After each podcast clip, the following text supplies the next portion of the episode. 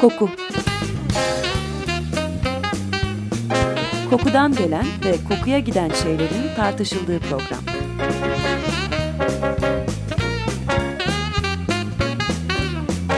Hazırlayan ve sunan Vedat Ozan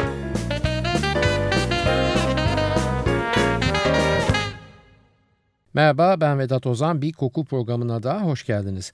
Geçen haftaki yayınımızda belirttiğimiz gibi bu hafta lezzet yani flavor konusuyla devam ediyoruz. Nedir lezzet efendim? Yediğimiz veya içtiğimiz nesneyle ilgili duyusal bir izlenimdir ve bu izlenimi edinmemize yol açan da iki kimyasal duyumuz olan tat ve koku duyularımızdır.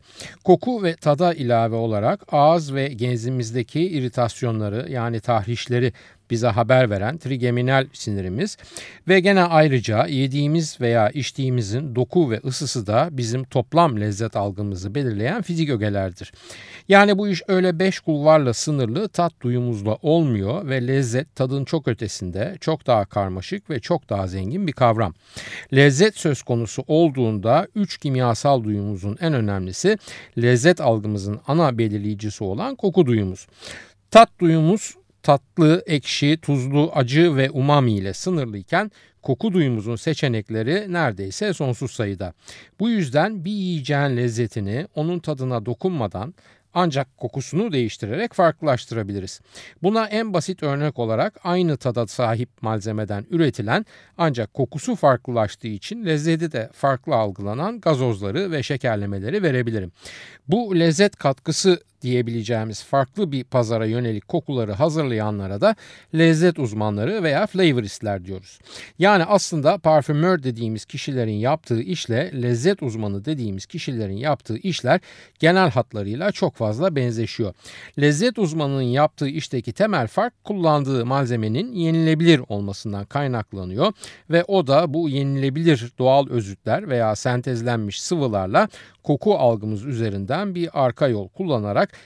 bizim o gıda maddelerine ilişkin algımızı manipüle ediyor. Gene aynı parfümlerde olduğu gibi lezzet kalkılarının formüllerinde kullanılan maddelerde farklı kaynaklardan elde ediliyor. Yani ya doğal kaynaklara başvuruluyor ve buhar damıtması, solvent ekstrasyonu veya kabuk preslemesi gibi yöntemlerle kokulu sıvıya ulaşılıyor ya da doğal malzemenin analizi yapılarak onu oluşturan kimyasal bileşimler listeleniyor ki daha sonra bunlar laboratuvar ortamında ortamında sentezlenerek doğalına özdeş bir koku profili elde edilebilsin. Gıda maddesinin içindeki kimyasal bileşimler deyince hemen yerinizden zıplamayın lütfen. Nedense kimya ismine karşı oluşmuş haksız bir tepki var hayatımızda ve bunu da maalesef duyarlı olmanın bir göstergesi sanıyoruz. Oysa gerçek öyle değil ve kimyasallar hayatımızın her yerinde en doğal halleriyle, altını çizerek tekrar ediyorum, en doğal halleriyle tahmininizden de fazla yer alıyorlar. Örnek mi? Mesela dihidrojen hidromonoksit. Allah Allah peki neymiş hayatımızın içinde oldukça geniş yer bulan bu hidromonoksit denen kimyasal? Açıklayayım. İsminin üzerinden gidelim anlamamız daha da kolay olsun isterseniz. Ne dedik? Dihidromonoksit. Dihidro iki hidrojen demek, monoksit de bir oksijen demek. İki hidrojenle bir oksijen nedir? H2O'dur. E H2O nedir? H2O da sudur. Evet en temel besin kaynağımız olan su da şekilde görüldüğü gibi aslen bir kimyasal bileşimdir. Su dediğimizde pürüpak bir tebessümün, dihidromonoksit dediğimizde ise kaş çatılmasının sebebi tamamen bizim algı ve önyargılarımızdır. Bunu neden söylüyorum? Şundan efendim bir kavrama eksik veya yanlış bilgiyle muhalefet ettiğimiz zaman sadece muhalif olduğumuz kavram veya o kavramı yöneten otoritenin eline koz vermiş oluruz. Başkaca da bir adım atamayız. Oysa şeylerin köken ve nedenlerini bilsek ve onları kaba ve yüzeysel kategorilerin altında değil kendi özel alanları içinde incelesek belki çok daha kolay ve yorulmadan yol alabileceğiz. Çünkü hayat sandığımız kadar karışık değil. Sadece biz bazen bağlantıları kurmaya uzak kalıyoruz. Hepsi bu. Belki de yapmamız gereken aslında sistemin neden bizi her an taze yemek pişiremeyecek kadar vakitsiz, doğal gıdalara ulaşamayacak kadar donanımsız, her sebzeyi her mevsimde tüketmeyi isteyecek kadar doyumsuz bir hale getirdiğini sorgulamak. Bu soruları sormak yerine bize önerileni baştan doğrudan kabullenip kabul edilmiş bu önerilen yaşam tarzının içinde muhalefet unsurları arayarak bir anlamda ağaçların tam ortasında durup orman neredeydi ya diye şaşkın şaşkın etrafa bakınıyoruz. Evet konumuza dönelim gene. Efendim pek çok yapay aroma aslında tekil olarak doğada bulunan bileşimlerin karmaşık bir beraberliğinden oluşur. Bu beraberliği formüle eden de lezzet uzmanı yani flavorist'tir. Her ne kadar kamuoyu veya biz sokaktaki insanlar farkında olmasak da gerek parfümlerin gerekse lezzet katkıları imalatının sanayileri birbirlerine ayrılmaz bir şekilde bağlıdırlar. Her ikisi de aynı duyuya yani koku alma duyusuna hitap ederler koku algımıza yönelik üretim yapan bu sanayi şirketlerinin neredeyse hepsi aynı anda bu iki ayrı alana da üretim yaparlar. Elbette kimi parfümler kimi de aroma veya lezzet katkıları alanında biraz daha uzmanlaşmışlardır. Ancak her iki ürün grubunda da kaynak, yöntem ve malzemeler tıpatıp denecek şekilde birbirine benzerler. Parfümlerde kullanılan bir ham maddenin ulaşımı zorlaştığında veya yeni bir koku molekülü sentezlendiğinde flavoristler yani lezzet uzmanları bu durumlardan en az parfümörler kadar etkilenirler. Aynı malzemelere kaynak olarak göz dikmişlerdir ve formülleme yöntemleri de birbirine çok benzer. Ancak bu benzerlik sonsuz bir benzerlik değildir. Öncelikle şunu bilelim ki bir lezzet uzmanının müşterisi bütün dünya nüfusudur.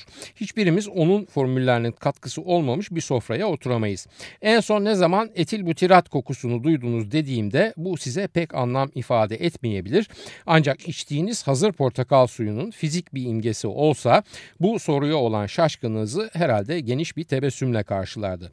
Çünkü kutulanmış veya şişelenmiş meşrubatlarınız, işlenmiş et ürünleri yani salamlar, sosisler, jambonlar veya çikolatalarınız veya şekerlemeleriniz veya muhallebi veya pudingleriniz Tütün mamulleriniz, çikletleriniz, krakerleriniz, bisküvileriniz, dondurmalarınız, diş macununuz, ilaç olarak içtiğiniz şurup veya emdiğiniz pastiller ve daha binlerce yenilebilir ürün bir lezzet uzmanı yani flavorist'in üzerinde mesleğini icra ettiği ürünlerdir. Parfümörle ayrıştıkları bazı noktalar elbette vardır flavoristlerin yani lezzet uzmanlarının.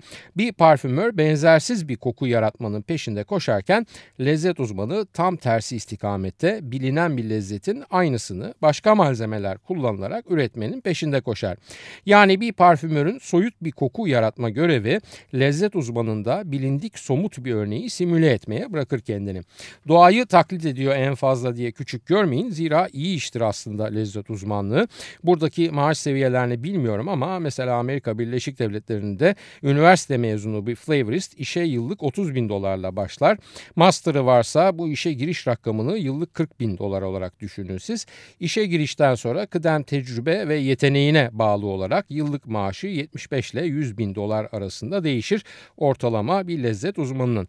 İyi de bu adamları işe alanlar neden bu işlerle uğraşırlar? Yani demem o ki neden mesela replikasını değil de doğal bir meyvenin taze suyunu kullanamayız ürünlerin içinde. Kullanamayız çünkü bunlar uzun süre dayanamazlar ve uzun yolculuklara tahammül edemezler. Hadi çok iyi ve dikkatli soğutup gerçek meyvenin suyunu veya konsantresini yetiştiği yerden uzak bir coğrafyaya tazeliği veya yapısı bozulmadan gönderebildiniz diyelim. Bu sefer de endüstrinin varlık sebebi olan soru çıkar ortaya. Bu coğrafyaya ulaşma işleminin maliyeti ne olacaktır? Bu maliyet satış fiyatının içinde düşünüldüğünde o ürünü satan kuruluşun bilançosunu ve karlılığını hayatını nasıl etkileyecektir? Kısaca teknik sorunlar halledilebilse bile gerçek bir meyve suyunu nakletmektense o meyve suyunun aynısının tıpkısı kokusunu katkı olarak o meyvenin ismiyle beraber pazarlanan ürünün içine yerleştirmek çok daha ucuz ve karlı bir iştir. Son derece nazik bir meyve olan ve dönemsel özellik arz eden ahududuyla uğraşmaktansa parfümörlerin paletlerinden iyononları ödünç almak daha akıllıca bir iştir yatırımcı ve işletmeci için. İyonon derken e, kısaca geçiyorum çünkü yaklaşık iki ay kadar önce iyononların ne olduklarını ve nasıl sentezlendiklerini işlemiştik programımızda.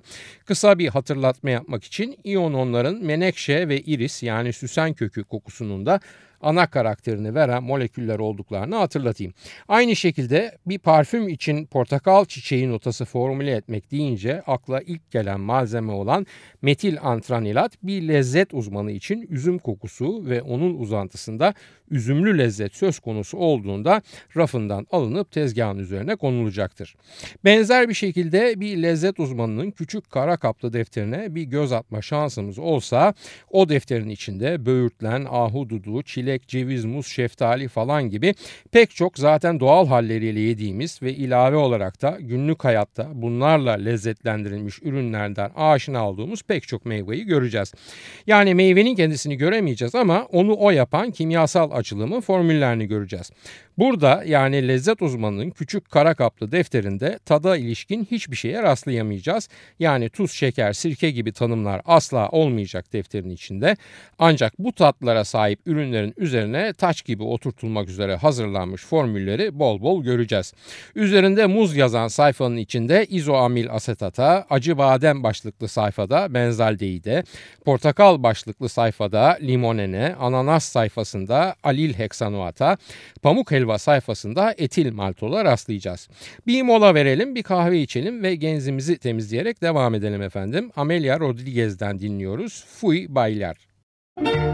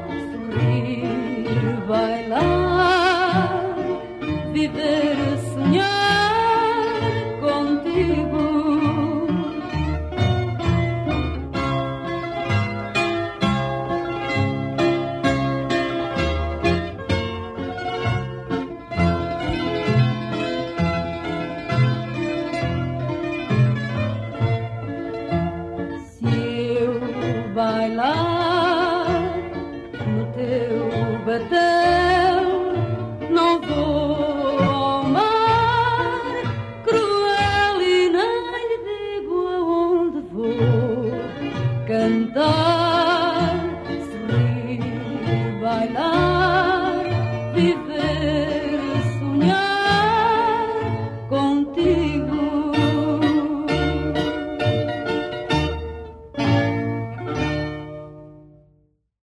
Açık Radyo 94.9 Koku programındayız. Amelia Rodriguez'den dinledik Fui Baylar. Kimse böyle bir şeye müsaade etmez zira gizlilik koku endüstrisinde çok önemlidir ama diyelim ki bir anlığına görünmez olduk ve bir aroma kimyasalı şirketinin lezzet uzmanlarına ayrılmış departmanına sızdık.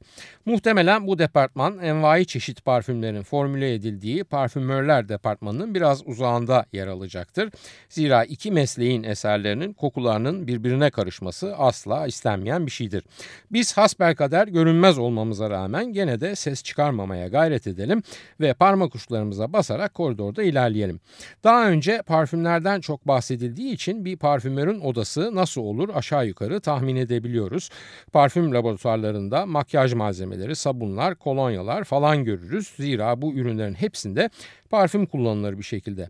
Ama bir lezzet uzmanının odasında neler vardır bununla ilgili pek de bir fikrimiz yok. Bunları düşünerek usulca ilerlerken aha işte bir odanın kapısı açık ve içeride mısır çipsi cipsleri görüyoruz tezgahların üzerinde. Aman o da ne mısır cipslerinin yanında da haydari, gavurdağ salatası falan gibi bilindik mezeler var. Önce bir şaşırıyoruz ya bu lezzet uzmanları günün ortasında ofislerine kendilerine akşamcı masası donatıp kafaları mı çekmeye hazırlanıyorlar diye. Ancak etrafa biraz bakınıyoruz ve gözümüzü duvarlarda dolaştırırken orada yeni asıldığı belli olan bir reklam afişinden anlıyoruz ki bir mısır cipsi üreticisi marka küçük bir yarışma açmış ve tüketicilerden mısır cipsleri için aromalar önermelerini istiyor. Ha, galiba tüketiciler tarafından gönderilen aroma önerileri lezzet uzmanlarının masalarına gelmiş ve onlar da bu aromaları cipslerle birleştirmeye çalışıyorlar. İyi de haydari dediğin aslında kıvamlı, sarımsak ve kokulu otlarla desteklenmiş az ekşi süzme yoğurt değil midir? Biz yoğurdu evde buzdolabının dışına çıkarıp orada unutsak eğer hava da sıcaksa akşamdan sabaha bozulur ve küflenerek yenmeyecek hale gelir. Mısır cipsi gibi asla buzdolabında muhafaza edilmeyen bir ürünün üzerine yoğurt temelli haydari sürülürse tüketici bunu nasıl bozulmadan muhafaza edecek. Üstelik cips katı haydari ise kıvamlı bir sıvı. Onun üzerine bunu sürsek nasıl olacak da o haydari bu kıtır kıtır olmasıyla ünlenmiş cipsi yumuşatmayacak. Bu soruları sormaya başladığımızda aklımıza biftek aromalı cipsler geliyor ve aynı soruları bu kez biftek ve et suyuyla cips birlikteliği için sormaya başlıyoruz. Lezzet uzmanına biraz daha yaklaşıyoruz ve beyaz önlüklü omzunun üzerinden masasındaki bilgisayar ekranına aldığı notları görüyoruz. Bir başlık açmış ve haydari aromalı mısır cipsi diye yazmış. Altında bir sürü tanımadığımız madde ismi var. İşin ilginci bu maddelerinin bazılarının yanına bunun kokusu çok kuvvetli %1'e kadar seyreltilerek kullanılması lazım falan gibi notlar almış. Orada kafamıza dank ediyor ki bizim lezzet uzmanımızın cipsin üzerine haydari süreceği falan yok. O yoğurt, sarımsak, nane ve kekik benzeri yiyeceklerin kokularını Tıpkı benzerlerini formüle ederek bunları daha o cips üretilirken hamurunun içine attırmayı planlıyor. Allah Allah diyoruz ve bu sarımsak kokulu odadan dikkatlice çıkıp koridora tekrar geri dönüyoruz. Odadan çıkarken hemen kapının yanında ilginç bir kap var gözümüzden kaçmayan. Daha doğrusu Rus bebeği matruşka gibi bir şey bu. Havası alınmış yani vakumlu naylonun içine hapsedilmiş bir cam kap. İçinde gene bir kap ve onun içinde gene bir kap görüyoruz. Üzerine de bir etiket yapıştırıp sarımsak diye not düşmüşler. Ya sarımsak özü çok kuvvetli bir koku ve ancak böyle kap içinde kaba hapsedilerek odanın havasını bozması engelleniyor ya da bu laboratuvar sakinlerinin ciddi bir vampir fobisi var diye düşünüyoruz.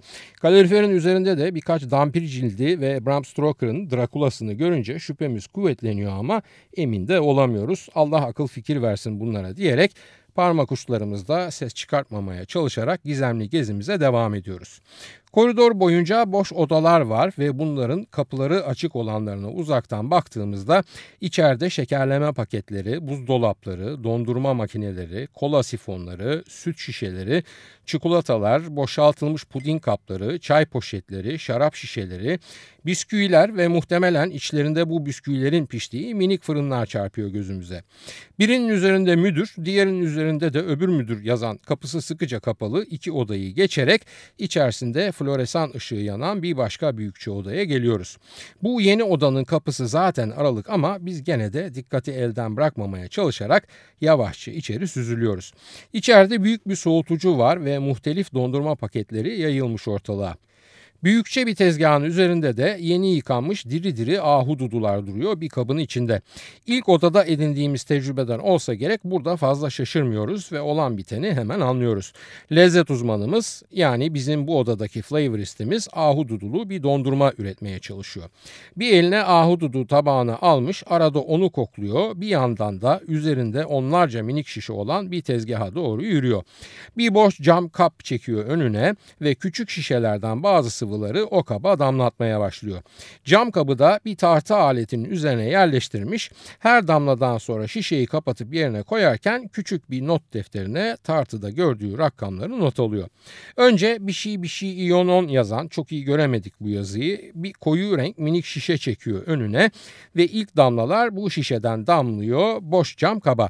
Ardından benzil asetat yazan bir minik şişeye uzanıyor. Bu benzil asetat ismi bize hiç de yabancı gelmiyor. Yasemin ve leylak kokularının hayali burnumuzun dibinde uçuşurken o şişe yerine konuluyor ve iki minik şişenin daha kapağı açılıyor. Şişelerden birinde etil asetat, diğerinde ise etil butirat yazıyor. Bu şişelerin kapakları açılır açılmaz odayı ismini koyamadığımız ama meyveli bir şey olduğuna yemin billah edebileceğimiz kokular dolduruyor. Un dekalakton yazan bir başka şişeden de damlalar cam kaba düştükten sonra kabı terazinin üzerinden alıyor ve burnuna götürüp kokluyor. Biraz yüzünü ekşitti galiba kalemine uzanıp not defterine keskin olduğu yumuşatmak ve yuvarlamak lazım bu kokuyu diye not alıyor. Yumuşamayı anladık da yuvarlamak ne oluyor ona pek anlam veremiyoruz ve fazla da kurcalamadan izlemeye devam ediyoruz. Önüne bir tepsi çekiyor. Bu tepside gene minik şişeler var ve bu minik şişelerin hepsinin üzerinde de bir kendi isimleri yazıyor bir de doğal izolat kelimeleri yer alıyor. Doğal izolatın ne olduğunu anımsar gibiyiz. Doğadaki çiçek ve bitki kokularını oluşturan içeriklerden bazılarının ayrıştırılmış haliydi bunlar yanlış hatırlamıyorsak. Bu doğal izolatlar teplisinden sitral ve vanilin etiketli şişeler alınıyor ve bunlar da cam kabın içine katık ediliyor. Biz sağa sola bakınırken birkaç şişe daha ortaya çıkıyor. Deftere birkaç not daha alınıyor. Hatta doğal izolatlar tepsisinden ilk koyduğu malzeme olan sitralin yanına galiba ünlem koyup öyle not alıyor. Eğilip bu nota bakıyoruz. Sitral, altı çizilmiş sitral kelimesinin ve iki nokta konup devam edilmiş. Organoleptiği keskin tatlı limon kokusu olarak tanımlanmış. Ciltte tahrişe yol açabilir. Aman dikkat el ile dokunmadan kullan. Gıda maddelerinin içinde kullanımında kesin sınırlamalar var. Donmuş ürünlerde 1 milyon ünite içinde 22 ünitenin üzerine çıkma kaderi fazla zorlama yazmış ve ünlemi de zaten bu cümlenin sonuna koymuş. Muhterem flavoristimiz yani lezzet uzmanımız iskemlesini geriye itiyor. Galiba işi bitti. Cam kabı eline alıp koklayıp duruyor. Buraya kadar parfümörlerden bir farkı yok gibi geliyor bize. Muhtemelen onlar da parfüm formülü üretirken buna çok benzer bir yol izliyorlar. Biz tam bunu düşünürken lezzet uzmanımız ben farklıyım dercesine cam kaba bir çubuk daldırıyor ve biz aman yapma diyemeden çubuğu alıp dilinin ucuna dokunduruveriyor. Bizdeki de ne kafa ama adamı parfümöre benzettik ama bunun yaptığı işin burundan çok ağızla ilgisi olduğunu unuttuk. Yaptığı kokunun tadına bakıyor ya adam. Üstelik bu tat veya daha doğrusu lezzet katkısı hoşuna da gitmiş olacak ki gevrek gevrek gülüyor. Bir dondurmayı lezzetlendirmek bu kadar mı önemli ve keyifli diye aklımızdan geçirirken aslında dört mevsime yayılmış bir yiyecekten bahsettiğimizi fark ediyoruz. Yani Romalıların sıcak havalarda buzlu sularla zenginleştirilmiş şerbetlerinden veya kar içinde soğutulmuş meyvelerinden değil her an tüketilebilen bir ürün söz konusu olan modern zamanlarda. Aromaları da çok farklı olabiliyor dondurmaların. Bu konuda rekor Venezuelalı bir dondurmacı olan Oliveira'ya ait. Manuel Oliveira. Merida kentindeki bu muhteremin 567 çeşit dondurması var efendim. Bildiğiniz veya aşina olduklarınız dışında soğanlı, kırmızı biberli, patlıcanlı, spagettili, tavuklu pilavlı ve ıspanaklı dondurmada Oliveira'nın satışa sunduğu çeşitler arasında. Bu muhteremin meslekteki en acı hatırası yeterince kıvamlı olamadığı için çöpe dökmek zorunda kaldığı yaklaşık 45 litre avokadolu dondurma olmuş. Neyse Oliveira'nın dondurması züğürdün çenesini yormasın biz dönelim aroma kimyasalı tesisindeki gezimizin sonuna. Şimdi bu küçük gizli gezimizin ardından sizi bilmem ama ben şunu düşünüyorum. Bizim muhterem flavoristimiz yani lezzet uzmanımız bu yaptığı ahududu kokusu veya aromasını diline sürüp tadına baktı da acaba biz de bu kadar yoğun bir ahududu deneyimi yaşayabilecek miyiz? Yapılan aromanın katıldığı nihai ürünü yani ahududulu dondurmayı yerken. Veya şöyle söyleyeyim acaba bu aroma katkıları yiyecek veya içeceğin bütünü düşünüldüğünde ne oranda kullanılır? Acaba çok kullanılsa mı daha iyi olur yoksa aşırı aromalandırma aslında rahatsızlık duygusu veren bir şey midir?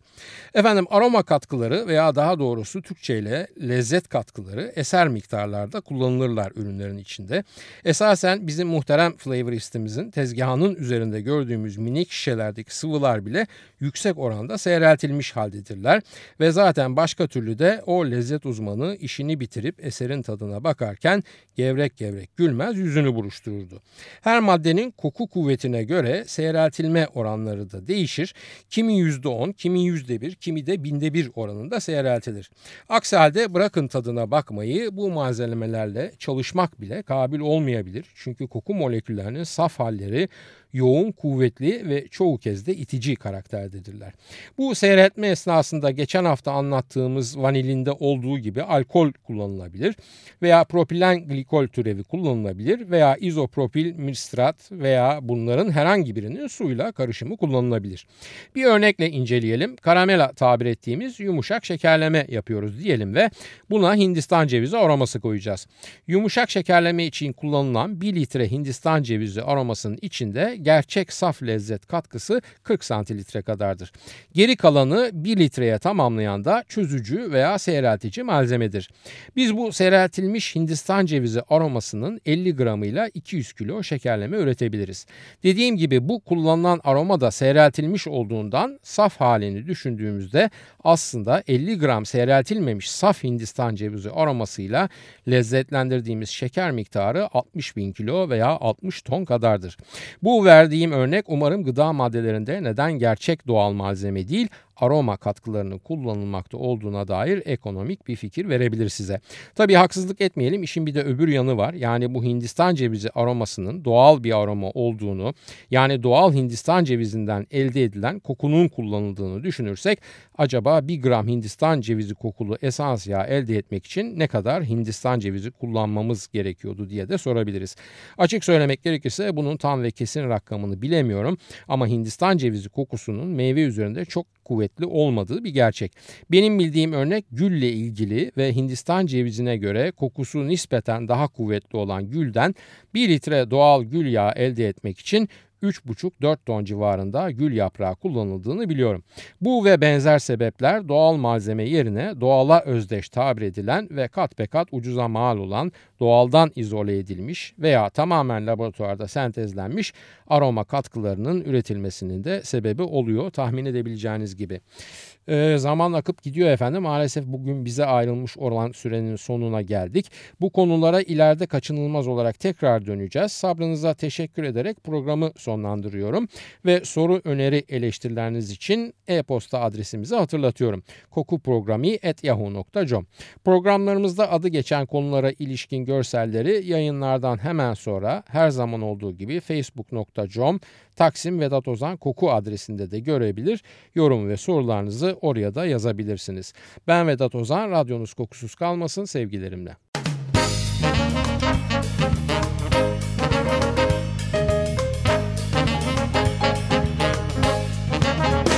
Koku Kokudan gelen ve kokuya giden şeylerin tartışıldığı program.